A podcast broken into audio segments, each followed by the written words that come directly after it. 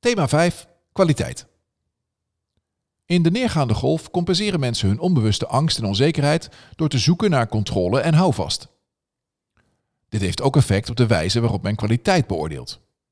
Betekent dit dat kwaliteit in het vorige decennium, een periode in de piek van zelfvertrouwen, niet belangrijk was? Zeker wel, maar op een andere manier. Mensen nemen geen genoegen meer met mooie marketingverhalen en storytelling alleen. Centraal staat de vraag in hoeverre het zekerheid biedt. Tegelijkertijd worden mensen steeds emotioneler. Zo zie je bijvoorbeeld dat voordat de vorige fase van angst aanbrak, dus tot begin jaren 70 van de vorige eeuw, emotionaliteit vaak werd gelijkgesteld aan sentimentaliteit. Huilen hoort niet, zeker niet bij mannen.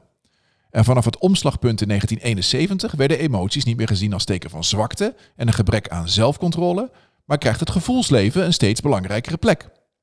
En we bevinden ons nu dus in een vergelijkbare tijd. Mensen willen zich ergens goed bij voelen en zijn daar ook open over. Alleen feitelijke argumenten zijn dus niet afdoende, want ook de gevoelswaarde speelt een steeds groter wordende rol in het beoordelingsproces. Op iets of iemand kunnen bouwen is in periodes van toenemende angst extra belangrijk. Hoe meer moeite mensen hebben om de controle vast te houden, des te meer moet men een beroep doen op het vermogen om te kunnen vertrouwen. Maar hoe werkt vertrouwen precies? En hoe moeten merken daarmee omgaan? Halverwege 2020 publiceerde Francis Frey, professor aan de Harvard Business School, en Ann Morris, executive founder van het Leadership Consortium, een artikel in Harvard Business Review met als titel Everything Starts with Trust, waarin ze de Trust Triangle beschrijven. En volgens dit model wordt vertrouwen opgebouwd uit drie kernelementen: authenticiteit, logica en empathie.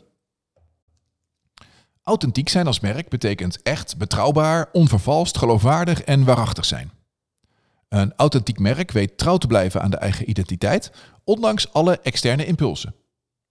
Vasthouden aan het DNA en tegelijkertijd ook kwetsbaar en imperfect durven zijn, geeft klanten duidelijkheid. Ze weten waar ze aan toe zijn. Ook de roots, de historie en de tradities van een merk dragen bij aan een betrouwbare en authentieke merkidentiteit. Vertrouwen gaat ook over of mensen geloven of een merk in staat is om na te komen wat het belooft. Of de argumenten en de feiten kloppen. Waarom zouden ze anders met een merk in zee gaan? Logica is van alle tijden, maar zeker nu de onzekerheid in de maatschappij groter wordt, groeit ook de behoefte aan feitelijke onderbouwing, aan bewijslast, transparantie en aan duidelijkheid. Mensen willen erop vertrouwen dat een merk echt om zich heeft, dat het oprecht geïnteresseerd is. Empathie gaat dus over aandacht en dit thema wordt afzonderlijk behandeld in het volgende en tevens laatste hoofdstuk. Het is dus belangrijk om mee te bewegen met de veranderende perceptie van kwaliteit. Zeker nu de maatschappij zich op een mentaal kantelpunt bevindt. Bij de beoordeling van kwaliteit gaat het dit decennium vooral om het bieden van zekerheid en vertrouwen en een slimme balans tussen ratio en emotie. Ten aanzien van kwaliteit gaan we een aantal belangrijke shifts zien.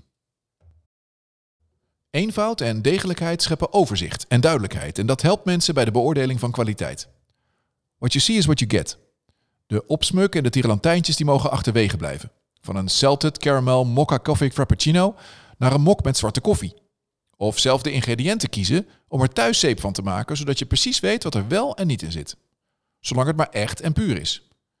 Zo bewijst Zeeman dat een echte eau de parfum niet ingewikkeld of duur hoeft te zijn. Een transparantie gaat ook over bewijs. Kunnen checken of de argumenten en de beloftes waar zijn. Of merken zich aan de afspraken houden. Zo voerde modemerk H&M in 2020 de Fashion Transparency Index aan, waarbij wordt beoordeeld hoe transparant de 250 grootste modebedrijven ter wereld zijn op het gebied van bijvoorbeeld mensenrechten, met welke leveranciers ze werken, openheid geven over de productiecijfers en de initiatieven ten aanzien van circulaire productie. Open zijn naar buiten toe dus. Niet passief, maar proactief. Veel trendrapporten die praten over blockchain als trend. Interessanter is om te begrijpen waar die moderne technologie de populariteit aan te danken heeft. De meeste mensen hebben naar alle waarschijnlijkheid namelijk geen intrinsieke behoefte aan gecryptografeerde databasestructuren. Waar wel steeds meer behoefte aan is, is aan informatie over de oorsprong van producten. Rechtstreeks kopen bij de boer is dan een optie, maar dat is niet altijd even praktisch. En met behulp van blockchain-technologie informatie over de herkomst en de logistieke route van producten inzien, is voor de meeste mensen een aantrekkelijkere optie. Supermarkten in Nederland die oefenen daar al mee. Zo maakt Jumbo de herkomst van tilapia-producten inzichtelijk en datzelfde doet Albert Heijn onder andere met eieren en sinaasappelsap. In China loopt men op dit gebied ver vooruit. In veel moderne supermarkten is deze informatie van ieder product, zelfs van levende vissen in de aquaria, beschikbaar voor winkelend publiek. Open en transparant zijn maakt tegelijkertijd ook kwetsbaarder. En ondanks dat kwetsbaarheid bepaalde risico's met zich meebrengt, is het een krachtig vermenselijkingsinstrument. Merken mogen imperfect zijn. Echte mensen maken ook fouten. Sterker nog, mensen die soms een blunder of een vergissing maken, die komen benaderbaar en sympathiek over. Dit wordt ook wel de pratfall-effect genoemd en het gaat ook op voor merken. Zo luidt de campagneslogan van de Belgische bank Belfius bijvoorbeeld al jarenlang: Wij gaan 100% voor 95% tevreden klanten, waarmee het bedrijf open is over dat het niet alles goed kan doen. Terwijl de maatschappij in de opgaande fase maar al te graag het onbekende ervaart, biedt het bekende van vroeger zekerheid in tijden van angst.